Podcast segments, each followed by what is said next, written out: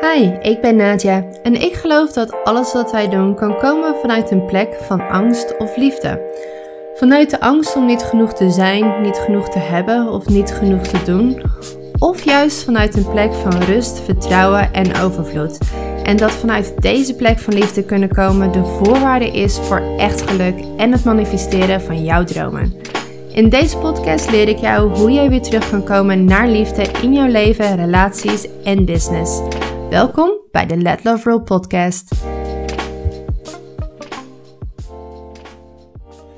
Hallo lieve mensen, het is tijd voor een nieuwe podcast. En deze keer ga ik het niet over donkere dingen hebben, beloofd. Um, we gaan het vandaag juist over lichte en fijne dingen hebben. Dat mag ook gewoon. Um, afgelopen zondag heb ik mijn event gehad, Rise Up. En dat was zo vet. Ik ben nog steeds helemaal high ervan. En ik krijg zulke lieve berichten van vrouwen die zeiden: Wow, er is zoveel losgekomen. En zoveel verschoven. En wat een inzichten. En wow. Dus dat smaakt voor mij absoluut naar meer. En ik uh, ga dit ook zeker weer doen als ik weer in Nederland ben. Ik heb net mijn ticket geboekt naar Nieuw-Zeeland. Dus we gaan lekker naar Nieuw-Zeeland toe. En daar ga ik in de Chathams, waar mijn partner vandaan komt, lekker mijn boek schrijven. En uh, mijn masterminders uh, begeleiden online. Dan hoop ik in april weer terug te zijn. Maar we gaan het zien of de wereld dat toelaat. Je weet het, je weet het niet tegenwoordig. Maar waar ik achterkwam was dat er zoveel niet genoeg denken is. En dat zat heel diep in mij. En ik geloof dat dat eigenlijk wel diep in ieder van ons zit. Het niet genoeg zijn, het niet genoeg hebben, het niet genoeg doen, niet genoeg tijd hebben, niet genoeg slaap hebben. En dat iets waar we bijna allemaal in geloven is het je kan niet alles hebben. Maar is dat zo? En ik was me er niet bewust van hoe diep dat in mij zat, totdat ik echt voor mezelf een verschuiving maakte in mezelf en vervolgens ook in mijn business. En ik dacht, wow, wat een bullshit. Je kan het wel allemaal hebben, maar waarom geloven we dan zo diep dat het niet mogelijk is? En waarom zien we dat dus ook echt heel vaak om ons heen? En hoe vaak horen we dat wel niet? Want ik heb het zo vaak gehoord in alle facetten in wat je kan zijn of wie je kan zijn, in wat je kan doen en wat je kan manifesteren. Ik, ik weet nog dat iemand al tegen mij zei van ja, maar ja, je kan niet alles hebben. Het gaat of goed in, in je carrière, of het gaat goed privé, of het gaat goed in met je privéleven, of het gaat goed met je gezondheid. Maar als de een goed gaat, dan gaat eigenlijk de ander slecht. En ik dacht, ja, ja, ja, dat is eigenlijk ook wel zo. Want ik zag dat ook echt daadwerkelijk terug in mijn leven. Maar eigenlijk, als ik er achteraf over nadenk, is het onze pijn en ons ego en onze trauma's en onze patronen die in al die verschillende facetten van ons leven doorwerken. Dus je ziet dat als je bijvoorbeeld eerst heel veel niet genoeg voelt en in competitie zit, um, bijvoorbeeld op uiterlijk en op um, een partner kunnen krijgen en je hebt dat geheeld, dat het heel vaak weer verschuift naar bijvoorbeeld geld of carrière. Dus de patronen die we hebben komen vaak terug in alle onderdelen en hebben we het ene opgelost, dan verschuift het vaak naar het ander. Uh, en dat was ook gewoon het geval bij mij. Maar mijn conclusie was inderdaad, je kan niet alles hebben. En onder dat je kan niet alles hebben zitten heel veel diepere geloofsovertuigingen. Die gaat, gaan vaak over onze veiligheid, over belonging. Dus echt hè, bij, bij de groep horen, de angst om afgewezen te worden. Maar ook heel erg over onze eigen waarde. En het gaat vooral heel erg over het idee dat er een limiet zit aan wat mogelijk is aan wat je kan doen en aan wat je kan manifesteren en aan de hoeveelheid geluk en fijne dingen die je kan meemaken. En ik zeg altijd, as within, so without. Dus wat wij geloven, bewust of onbewust, is ook wat we zullen creëren in de wereld buiten ons. En dat geloof dat je niet alles kan hebben, is echt een derde dimensie geloof die we overal om ons heen zien. En eigenlijk het effect ervan is dat je settelt voor les. Dat je denkt, ja, kan niet alles hebben, dus laat ik deze baan maar nemen, want hè, zo erg is het toch niet. Of ja, deze partner, ja, ja, ja, oké, ik ben niet helemaal gelukkig met hem en hè, dit is wel echt wel heel heftig. Maar ja, goed, hij heeft ook goede kanten. Ja, niemand is perfect. En ja, je kan niet alles hebben.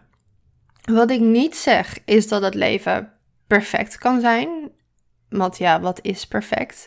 Ze betekent niet dat er nooit iets moeilijk is, dat je nooit voor een uitdaging komt te staan, dat er geen moeilijke dingen gebeuren in het leven. Want dat is nou eenmaal het leven. Shit happens. En mensen raken ziek en mensen die gaan weg. En um, misschien gaat er in je business een keer wat verkeerd. Of kom je voor eigenlijk een grote uitdaging te staan. En dat zal blijven. Dat zal altijd blijven. Op welk level je ook komt in je relatie of in je business of in je leven. Die uitdagingen blijven. Maar die uitdagingen zijn eigenlijk gewoon lessen. Het zijn eigenlijk gewoon uitnodigingen tot groei. Dus dat alles perfect gaat en smooth gaat en dat er nooit meer een uitdaging komt, dat is niet wat ik bedoel. En hé, dan zou het leven toch eigenlijk ook best wel saai zijn. En je groei zou een heel stuk minder zijn, want door die uitdagingen groeien we dus juist. Wat ik bedoel is dat je het echt allemaal kan hebben en dat je gezond kan zijn, dat je een gelukkige, fijne, gezonde relatie kan hebben, dat je in overvloed kan leven, dus echt iets doen wat je heel erg leuk vindt en daar echt in overvloed voor kan ontvangen in geld, maar ook dat je tegelijkertijd tijd genoeg hebt. En dat is iets wat we heel moeilijk vinden om te bolwerken, want we denken altijd dat je moet kiezen. Ga maar na wat je eigenlijk allemaal hoort. Het is of je hebt een superleuke baan en je gaat iets doen wat je echt leuk vindt en waar je echt passie voor hebt. Maar ja, daar verdien je dan niet zoveel mee of dat is moeilijk om daar werk in te krijgen. Of je gaat iets doen wat je eigenlijk saai vindt, maar ja, daar verdien je wel goed mee. En ja, werk is nou helemaal niet leuk en werk moet nou eenmaal moeilijk zijn. En hè, werk is nou eenmaal saai. Maar goed, dat, uh, dat hoort zo. Dat is nou eenmaal zo. Dus het idee dat je eigenlijk vijf dagen per week iets moet gaan doen wat je echt niet leuk vindt. En dan in het weekend ja, je leven kan leiden, soorten met van. Of dat je moet kiezen tussen iets leuks doen, maar eigenlijk in armoede leven. Of deze vind ik ook altijd heel bijzonder. Of je gaat werk doen wat de wereld beter maakt. Hè? Je gaat vrijwilligerswerk doen. Of je gaat uh, voor een foundation werken. Of je gaat werk doen wat de wereld eigenlijk niet beter maakt en vaak uh, alleen maar slechter maakt. Maar daar verdien je wel veel geld mee. Dus, dus of iets goeds doen voor de wereld, maar daar niet mee verdienen. Of ja, uh, geld verdienen, maar alleen wel dan te kosten van. Eentje die heel diep zit is of je hebt tijd of je hebt geld. Of je hebt geld of je hebt tijd, maar je kan het niet allebei hebben. En wat eronder zit is natuurlijk dat je hard en veel moet werken om te kunnen verdienen. En daaruit voortvloeit ook of je gaat voor een goede carrière of je bent een goede moeder. Deze doet echt pijn, want dit geloofde ik vroeger ook altijd. Ik was heel ambitieus, ik wilde heel graag een, een grote carrière en succesvol zijn en dingen bereiken, maar ik wilde eigenlijk stiekem ook graag kinderen. Maar dat durfde ik eigenlijk niet toe te geven. Want ik zag niet voor me hoe ik dat moest gaan doen. En ik dacht, ja, moet ik dan kinderen nemen terwijl ik dan geen goede moeder kan zijn? Of moet ik dan mijn carrière opgeven? En daar heb ik echt, echt mee gestruggeld. En wat ik ook heel vaak hoor, zeker omdat ik heel veel met coaches en teachers en healers werk en nou ja, in dat wereldje zit, is de volgende. Of je bent spiritueel en puur en zuiver. En je vraagt eigenlijk geen geld of een heel klein beetje of alleen wat je nodig hebt.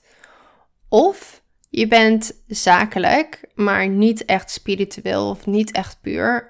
En je gaat voor het geld. Maar je kan niet allebei hebben. Je kan niet en spiritueel zijn en puur zijn en een oprechte intentie hebben.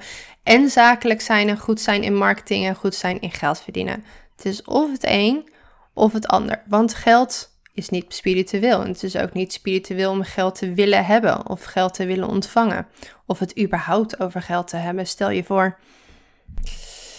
En deze. Of je hebt een goede relatie, of je gaat vol voor je carrière. Ik weet niet waar die vandaan komt. Ik denk dat het ook weer een stukje te maken heeft met het, het tijd of geld. Of je blijft dus single en je gaat helemaal voor je carrière. Of je um, kiest niet voor die carrière, maar kiest dus inderdaad meer voor een relatie en eventueel een gezin.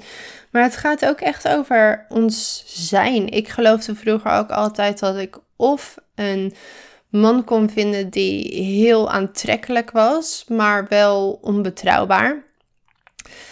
Of ik ging een man vinden die ik niet per se zo aantrekkelijk vond, maar wel betrouwbaar en waar ik wel van op aan kon en waar ik wel een gezin mee kon vormen.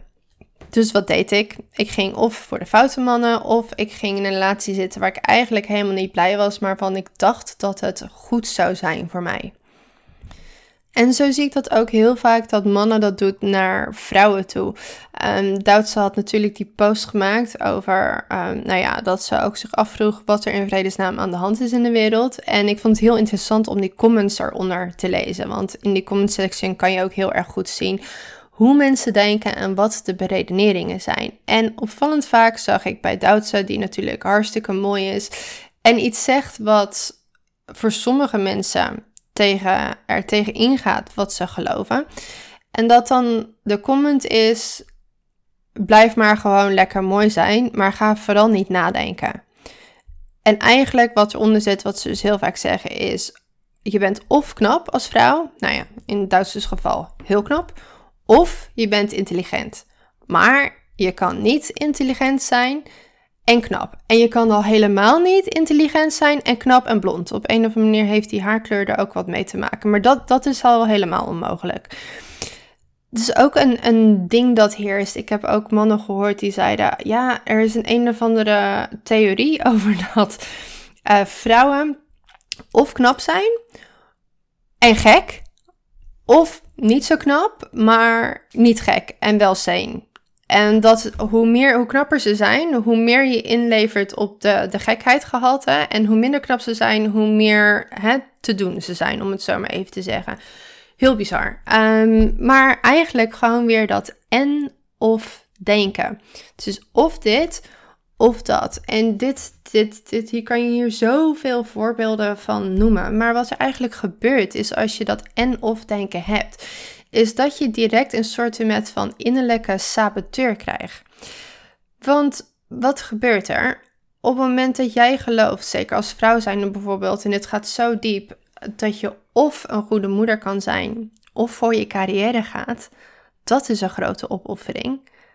Dus misschien wil je wel echt voor die carrière gaan, maar misschien ben je onbewust jezelf aan het saboteren en aan het tegenhouden omdat je gelooft dat je dan de andere kant moet opofferen. Of misschien ben je super moe en overwerkt en hou je eigenlijk niet genoeg over onderaan de streep en wil je meer verdienen, maar denk je ja, als ik nog meer wil gaan verdienen, moet ik nog meer gaan werken en ik ben al zo moe, dus hoe ga ik dat dan in vredesnaam doen? Of misschien denk je, ik vind deze baan helemaal niks en ik vind het suf en saai en ik, ik zit hier eigenlijk mijn tijd te verdoen. Maar ja, ik ontvang wel een salaris en misschien wil ik wel mijn eigen business starten en wil ik dit werk gaan doen en wil ik de wereld mooier maken. Maar ja, daar word je natuurlijk niet rijk van, van de wereld beter maken. Maar denk er eens over na. Wie heeft dat in vredesnaam verzonnen? dat je of werk mag doen wat ook daadwerkelijk de wereld een stukje mooier maakt, maar dat je daar niet voor betaald mag krijgen. Maar als je werk doet wat eigenlijk ten koste gaat van anderen, dat je daar wel betaald voor mag krijgen. Dat is toch absurd als je erover nadenkt. En dit is echt iets wat, ja, wat vrij diep zit in, ons, in onze overtuigingen. Dus je gelooft eigenlijk dat je iets graag wilt, Alleen je denkt dat als je daarvoor gaat, dat je iets anders belangrijks gaat verliezen. Dus onbewust zal je jezelf altijd saboteren om daarvoor te gaan. En wat we daarmee doen is eigenlijk dat zero-sum game denken. En ik denk dat ik daarom ook echt niet hoorde op de universiteit, want daar leerde ik dat eigenlijk alleen maar. Wat ik leerde was gewoon eigenlijk, er is een taart. En we kunnen allemaal een stukje van die taart krijgen. En op een gegeven moment is de taart op. Ja, en als de taart op is, ja, dan is er niks meer. Dus de wereld is gelimiteerd. En de overtuigingen die we over de wereld hebben, zijn dus ook gelimiteerd. We geloven dat er maar zoveel is en vaak ook zelfs dat er niet genoeg is voor iedereen. En daarom zie je ook heel vaak de competitie. Competitie onder vrouwen, competitie onder mannen, maar ook competitie op werk, competitie onder coaches zie ik heel erg vaak. Omdat we denken, oké, er is niet genoeg voor iedereen. Dus ik moet heel hard mijn best doen en ik moet heel hard vechten of schreeuwen om gezien te worden om dat stukje taart te bemachtigen. En ik moet ook heel hard werken, want als ik niet heel hard werk en die andere mensen blijven gewoon doorwerken, dan eten ze dadelijk heel die taart op. En ik beloof je dat het absoluut bullshit is. De wereld is niet gelimiteerd. Alles is limitless. En dat is echt weer dat derde dimensie naar vijfde dimensie perspectief. Als je in die derde dimensie zit, denk je, ja, er is maar zoveel van zoveel en dan is het op. Maar als je naar die vijfde dimensie gaat en meer voelt op energie, dan is het ook echt, de universe is limitless. Dus er zijn oneindig veel mogelijkheden. Er zijn oneindig veel kansen voor iedereen. Alleen dat is wel iets wat je moet gaan geloven en wat je moet gaan voelen en daaruit gaan handelen. En op het moment dat je dat kan voelen, gaat ook alles veranderen. Want je stapt uit de competitie, je voelt die competitie niet meer. Dus de energie waar je vandaan komt is ook niet meer die neediness. Het is juist een hele aantrekkelijke energie waar je dingen dus ook heel erg mooi mee kan aantrekken. En op het moment dat jij gelooft dat de, op, de, de mogelijkheden ook echt gewoon limitless zijn. En dat alle kansen voor het oprapen liggen. En dat je ook altijd nieuwe kan creëren. Dan is dat ook absoluut wat je terug zal zien in jouw wereld. En dat is ook echt het verschil tussen constant heel hard werken en stressen. En dus dat reptiele brein inschakelen. Wat we vaak geloven. Want we geloven of je hebt geld of je hebt tijd. Laten we daar eerst eens op ingaan. Ik ga daar twee behandelen: geld en tijd sowieso. Op het moment dat we denken hoe harder we werken, hoe meer we verdienen. Dus ik moet altijd keihard doorwerken dan ga je ongelooflijk in de stress zitten. Dan ben je jezelf aan het uitputten. En dan denk je, ja, op een gegeven moment kom je bij een plafond. Want hoe hard kan een mens werken? En hoeveel uren heeft een mens op een dag? Dus op een gegeven moment kan je gewoon niet meer verdienen. En dat is ook echt dat idee van, ik moet geld tegen tijd ruilen. In plaats van die ondernemingsmindset of die manifestatie mindset. Dat je eigenlijk in overvloed gewoon echt kan gaan manifesteren.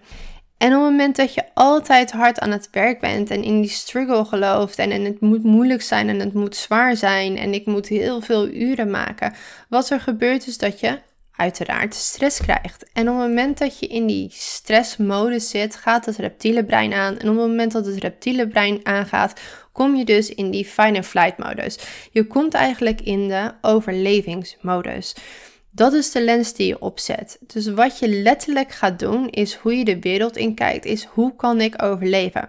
Hoe kan ik zorgen dat ik de rekeningen betaal? Hoe kan ik zorgen dat ik uh, het goed doe? Hoe kan ik zorgen dat ik af en toe nog op vakantie ga? Hoe kan ik eigenlijk zorgen dat ik mijn hoofd net boven water hou? En dat is ook wat we natuurlijk heel veel om ons heen zien dat mensen bezig zijn met overleven in plaats van echt met thriven, echt met abundance creëren. Op het moment dat je die stress, stressmodus eigenlijk los kan laten in een bepaald vertrouwen, want wat erachter zit is natuurlijk ook gigantisch veel controle. Het idee van controle willen hebben, de illusie van controle, want we hebben hem natuurlijk niet. En daaronder zit vaak het gevoel niet veilig te zijn. Als we dat kunnen loslaten en echt kunnen ankeren in die veiligheid en dat vertrouwen en weer in die andere modus over kunnen schakelen, in dat parasympathische zenuwstelsel, dan kunnen we ook weer in de creator stappen. Dus je kan zelf gaan beslissen wat jij wilt gaan creëren vanuit een bepaald zijn. Want dat is het. We kunnen niet alles doen. We kunnen niet alle ballen hoog houden. En dat is ook vaak de valkuil. En wat ze zeggen van ja, die millennials die denken maar dat ze alles kunnen hebben. En dat kan niet. Wat we niet kunnen is alles doen. Je kan niet elke dag naar je werk gaan en van ochtends tot avonds overwerken. En uh, de halve dag met je kind besteden, want dat gaat niet. En je kan niet ook nog een keer heel het weekend vullen met etentjes met je vriendinnen, maar ook heel het weekend vullen met er voor je partner zijn. Er zijn maar zoveel uren in een dag en je kan ze op dat moment maar één keer uitgeven en daar moet je tussen kiezen. Maar wat je wel kan, is alles zijn. Dus in jouw being echt geloven in die overvloed en daarvan uit handelen. En ik heb het zelf meegemaakt. En daarom kan ik het ook met zoveel zekerheid zeggen. Want ik geloofde vroeger ook dat het of tijd of geld was. En dat hoe meer ik werkte, hoe meer ik zou gaan verdienen. En kan je beloven dat ik een periode heb gehad dat ik echt keihard werkte. Dat was toen Nevi net geboren was. Ik werkte zes, soms zeven dagen per week. Ik had ook nog een keer een stagiaire erbij, um, die ook keihard aan het werk werd gezet. En ik had eindeloze to-do-lijstjes en ik was altijd bezig. Maar qua inkomen, meh. Ik hield vrij weinig over onderaan de streep, maar ik was wel altijd gigantisch overwerkt. En ik was maar bezig en er gebeurde maar niks. Dus dat is heel erg dat doen, dat busy work. En ik heb meegemaakt dat ik bijvoorbeeld op de Jennings was en veel minder kon werken, maar meer omzetten dan dat ik ooit heb gedaan.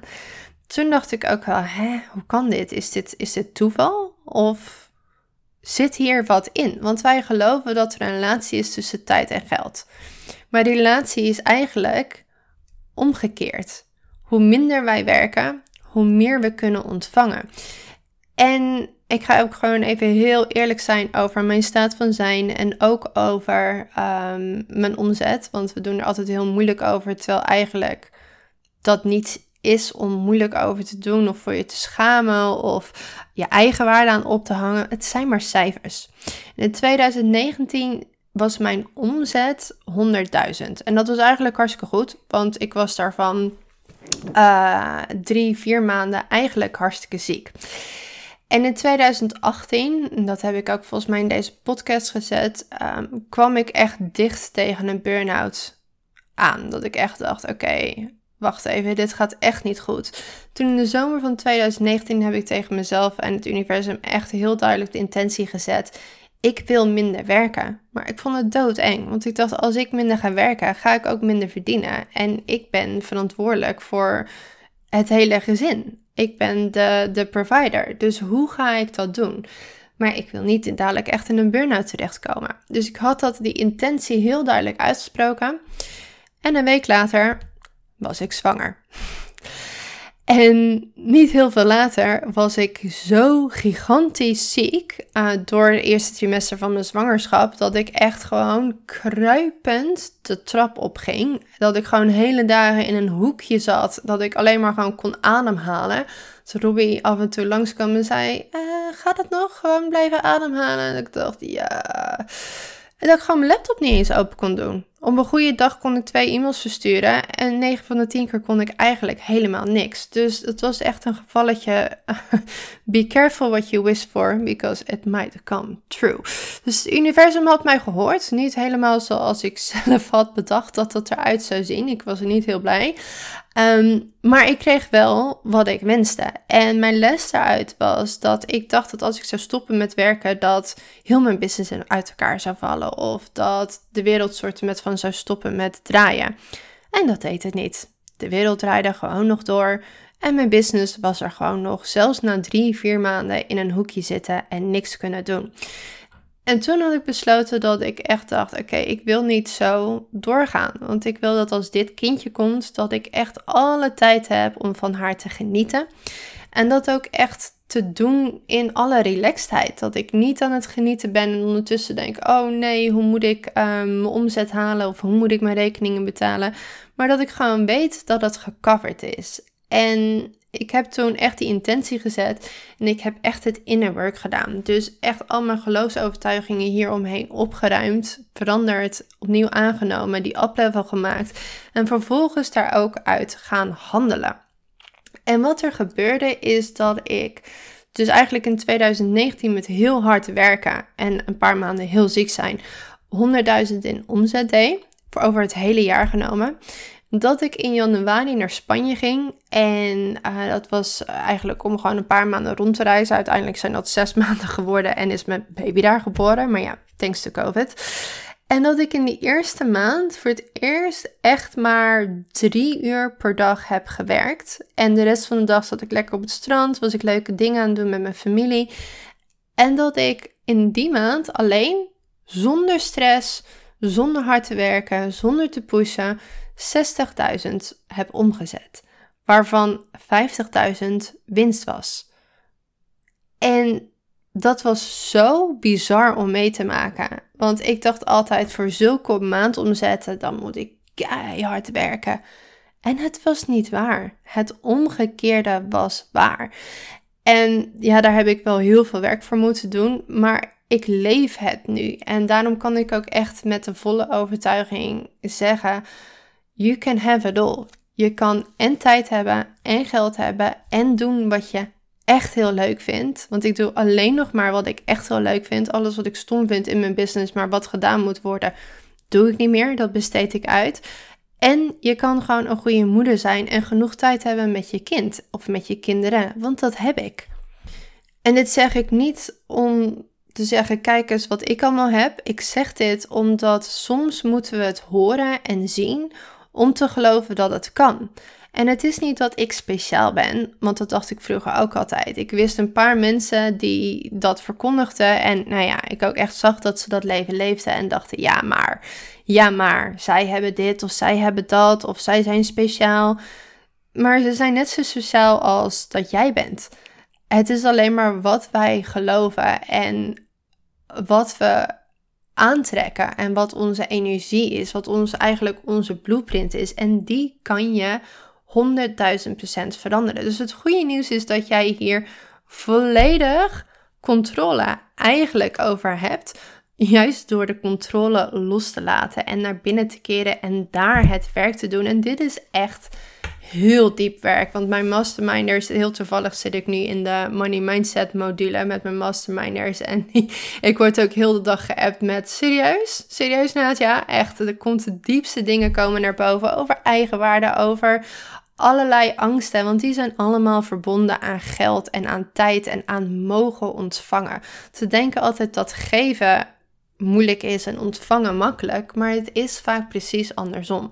We vinden ontvangen voor doen waar wij echt voor gemaakt zijn, doen waar we echt gelukkig van worden, vinden we eigenlijk heel erg moeilijk, omdat we hebben geleerd dat van iets waar je gelukkig van wordt, dat dat je hobby is, maar dat je daar niet voor mag ontvangen.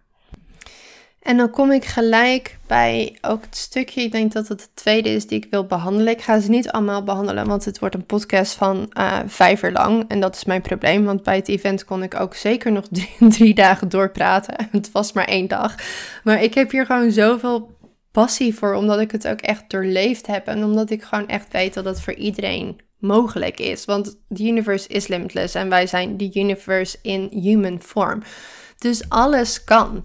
En ik zie het ook overal om me heen. En ik zie het ook met de mensen met wie ik werk. Die eerst denken, ja maar het zal wel, dat kan niet. En die het ook echt doen. En het is echt niet toevallig dat ik dus net voordat ik uh, mijn podcastopname aanzet, kreeg ik een berichtje van uh, Naomi van. Die zit in deze ronde van de Mastermind, dus die nu aan het aflopen is. En zij is zwanger geraakt tijdens de Mastermind. En zij zat inderdaad ook met het tijd- en geldding. En hè, ik heb geen tijd meer, want ik, ik zit vol. Hè, mijn uren zijn op. Maar ik kan dan maar zoveel verdienen. En op het moment dat ze in die mastermind is gaan en daarmee is gaan werken, en vooral aan die overtuigingen en vanuit daaruit handelen, zet ze nu, nou ja, de omzet is zeker verdubbeld, terwijl ze zoveel meer tijd heeft. En nu bericht ze me net, Naad, dankjewel, dankjewel. Ik ben zo blij. Want kijk, mijn VA pakt gewoon alles op. En ik lig hier zwanger en dik te zijn. En alles wordt geregeld. En dat kan. Het kan gewoon. En mijn inkomen loopt gewoon door. En ik kan straks gewoon met verlof. Zonder dat ik me druk hoef te maken. En dat is zo fijn. Dus ja, you can have it all. En dan kom ik eigenlijk gelijk bij dat stukje spiritualiteit en geld. Want dit gaat zo diep. Wij geloven absoluut dat het niet spiritueel is of niet puur is of niet echt is om geld te ontvangen. En ik had dat geloof heel, heel sterk. En ik had ook het geloof dat geld slecht is.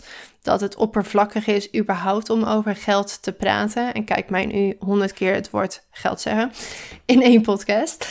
Um, en ik wilde er eigenlijk het liefst niks mee te maken hebben. Maar dat is een beetje moeilijk, want we leven nog steeds in de derde dimensie waar we gewoon geld nodig hebben om te leven. En dat maakte mij ook echt heel erg boos.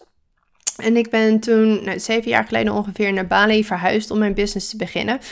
Maar na mijn master en um, na alles gestudeerd te hebben, dacht ik: dit is helemaal niks voor mij. Al dat marketing en dat business gebeuren. Want het gaat alleen maar over hoe kan ik winst maken ten koste van iets of iemand anders. En dat was wat mij heel erg voor het hoofd stootte.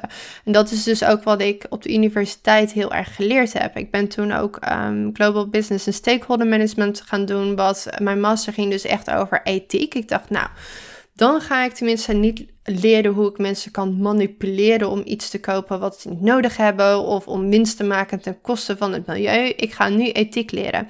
En eigenlijk wat ik daar vooral leerde was uh, window dressing. Dus hoe kan ik vreselijke bedrijven zoals Shell die de wereld vervuilen toch nog een goed imago geven? Nou, dat was niet waar ik daarvoor zat. Uiteindelijk ben ik dus mijn PhD begonnen over um, corruptie in bedrijven en ethiek en hoe je um, eigenlijk iemand meer ethisch kan maken als een en de hele bedrijfscultuur.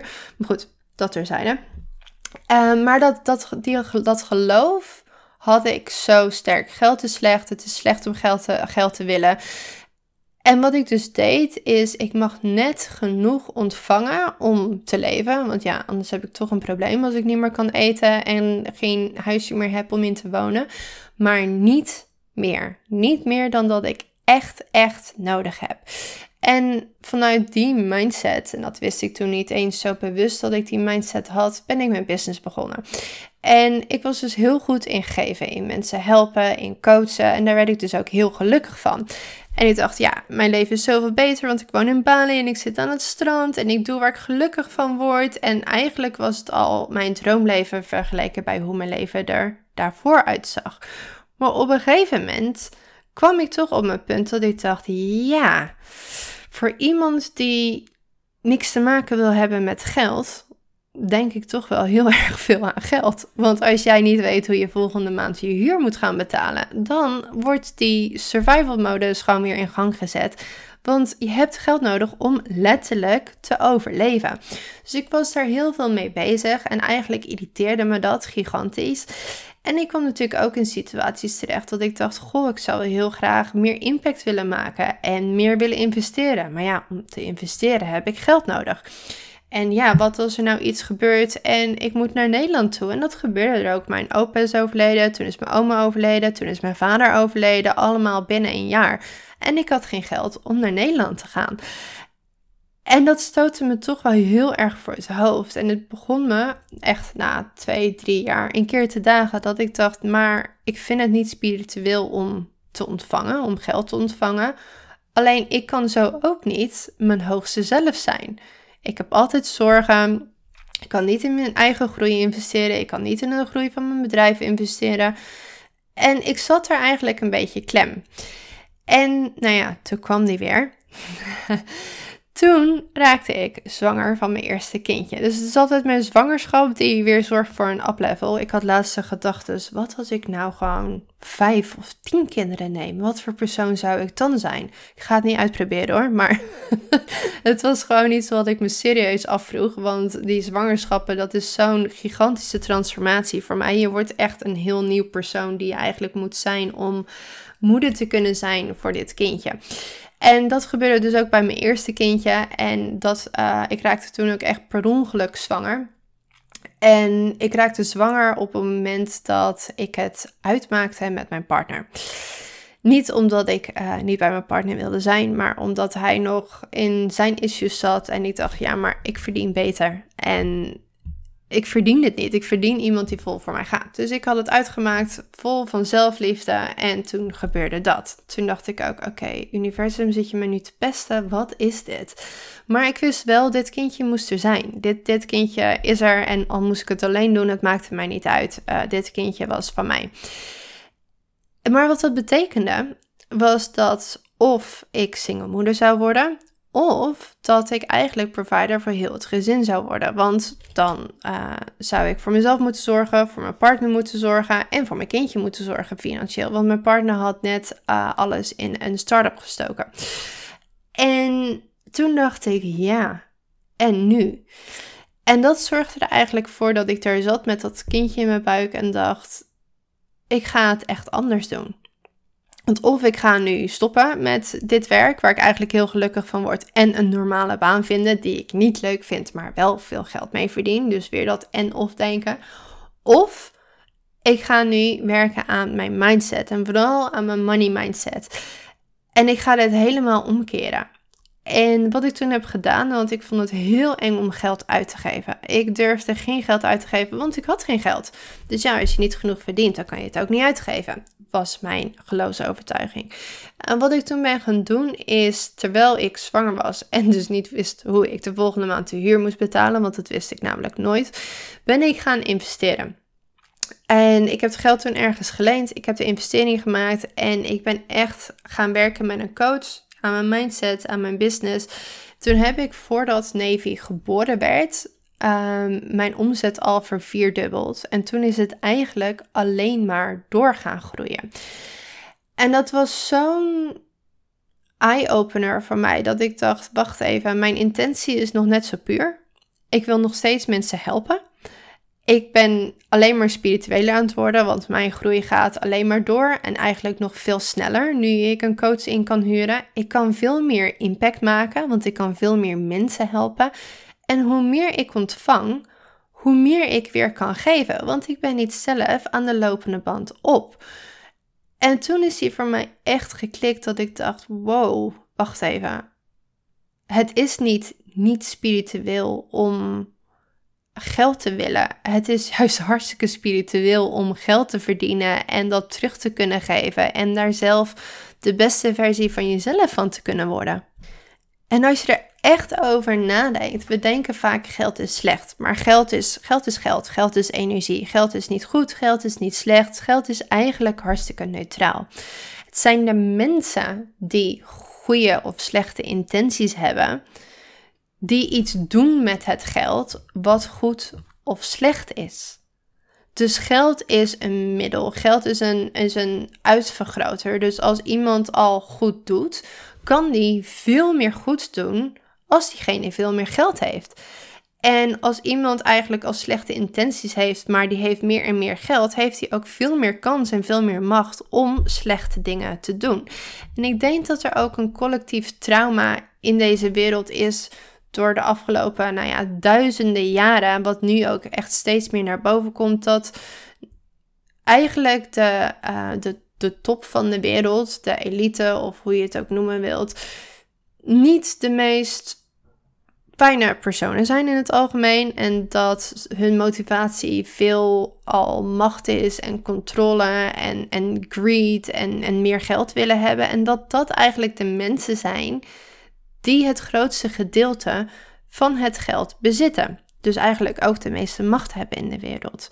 Maar als je daarover nadenkt, dan is het toch zaak dat de mensen, de lightworkers, de mensen die puur zijn, de mensen die de wereld beter willen maken, de mensen die deze wereld kunnen helpen, dat zij zoveel mogelijk geld gaan verdienen. En op het moment dat dat bij mij klikte, dat heeft weer even geduurd, wist ik ook van oké, dit is mijn missie. Want ik trek alleen maar mensen aan die lightworkers zijn of die dat willen worden of die, die de wereld willen helpen. En mijn missie is ook om te zorgen dat zij zoveel mogelijk kunnen gaan ontvangen.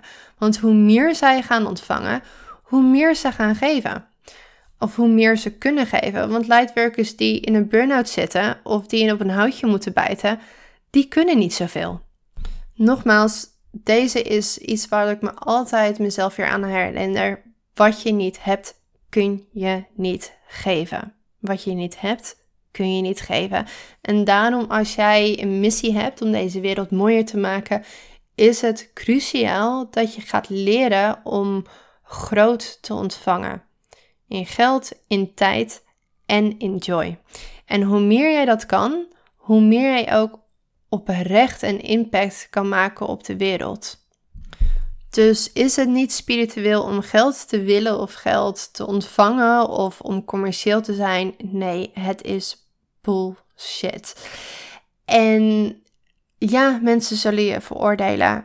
Dat zullen ze altijd. En die projecteren eigenlijk hun eigen overtuigingen op jou. En dat zullen ze altijd doen. Dus of je nou volledig blut bent, dan zal je worden veroordeeld. En als je heel veel geld verdient, zal je worden beoordeeld. Eh, je zal altijd worden veroordeeld. En het is vaak eigenlijk ook onze eigen angsten die zij weer terugspiegelen. Ik had een heel mooi, um, mooi voorbeeld. Dat de tijd dat ik eigenlijk nog heel veel gaf en gaf en gaf en gaf. En eigenlijk zelf heel moeilijk kon ontvangen. Had ik een, um, een freebie. Die heb ik nog steeds. Die heb ik al hartstikke lang. En dat is heerlijk, want die heeft echt, denk ik, inmiddels al tienduizenden mensen geholpen in de afgelopen vijf jaar. En op dat moment had ik daar een advertentie op gezet. Dus het was een Facebook-advertentie met een mooie tekst. En dan kon je daarheen en kon je eigenlijk gratis inschrijven. En dan krijg je um, een week lang krijg je e-mails over mindfulness, over zelfliefde, over nou ja, van alles en nog wat.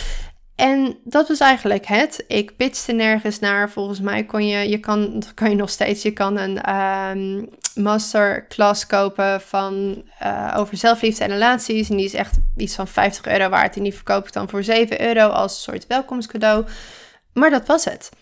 Dus ik spendeerde geld om iets gratis te geven. En eigenlijk uh, mensen hè, in mijn tribe te krijgen. Maar ik pitchte helemaal niks. Want ik durfde dat niet, want ik dacht, ja, als ik iets aanbied, dan denken mensen dadelijk dat ik niet echt wil helpen. En dan denken ze dat ik niet puur ben en niet echt ben en dit doe om het geld. En onder die advertentie, die Facebook-advertentie, had een meisje, een, uh, een coach, uh, had een bericht geplaatst met: Gadverdamme, ik vind het echt zo vreselijk.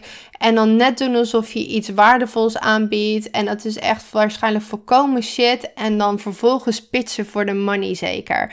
Wanneer gaan we nou een keer dingen anders doen in deze spirituele wereld? En waarom moet het om het geld gaan? En nou, die ging helemaal los onder de comments. En dan ook nog mensen die dat echt gewoon 40 likes of zo. Nou, je snapt wel, ik, echt, ik vond het vreselijk. Want het was mijn eigen angst die eigenlijk gewoon weer teruggespiegeld werd. Maar wat het me wel heel duidelijk maakte was of ik nou iets aanbied of niet aanbied. Of ik nou gefocust ben op ook geld ontvangen of alleen maar wil geven. Ik word toch wel veroordeeld. Dus het maakt niet uit. Mensen zullen altijd hun eigen overtuigingen op jou projecteren. En that's oké, okay, zolang jij daar helemaal volledig oké mee bent. En dat is nogmaals ook een hele hoop mindsetwerk. Oké zijn met kritiek en met oordelen.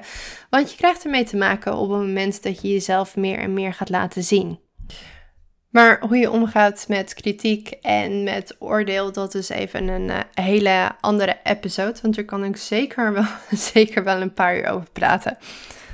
Dus lieve mensen, het is oké om te kunnen ontvangen. Het is spiritueel om te kunnen ontvangen. Want hoe meer je ontvangt, hoe meer je kan geven. Ik zeg het gewoon nog een keer, want je kan het niet vaak genoeg horen. En om dat te kunnen doen, is het niet om meer te focussen op nog meer doen. Het is juist meer zijn en echt werken aan je mindset en al die overtuigingen en vaak ook trauma's die daarachter liggen.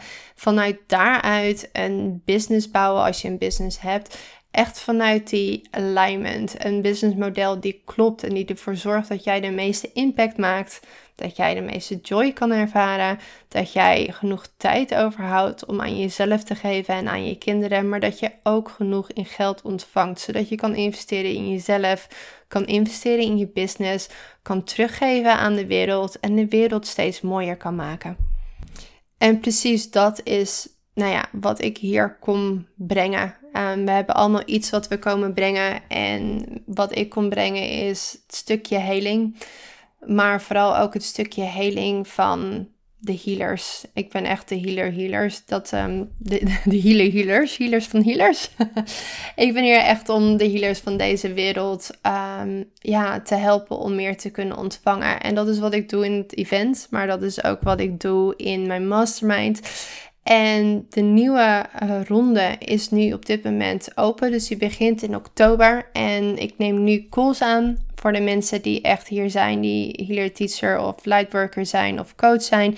Die al een business hebben. Dus die echt al begonnen zijn.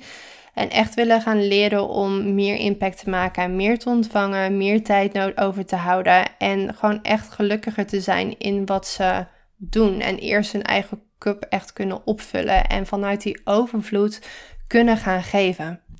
De calls neem ik aan tot het einde van deze maand. En de eerste week van oktober ga ik weer starten met een nieuwe groep. Dus als je dit hoort en denkt, ja, dit is dit resoneert, dit is voor mij, dit heb ik nodig. Um, ga eventjes naar de link, die zal ik eronder zetten. En dan kan je daarin kan je applyen. Laat je eventjes je naam achter, je gegevens achter. En als het klopt, dan um, laat ik je weten. En dan zal je teruggebeld worden. En dan maken we even kennis. En wie weet gaan wij de komende zes maanden samenwerken.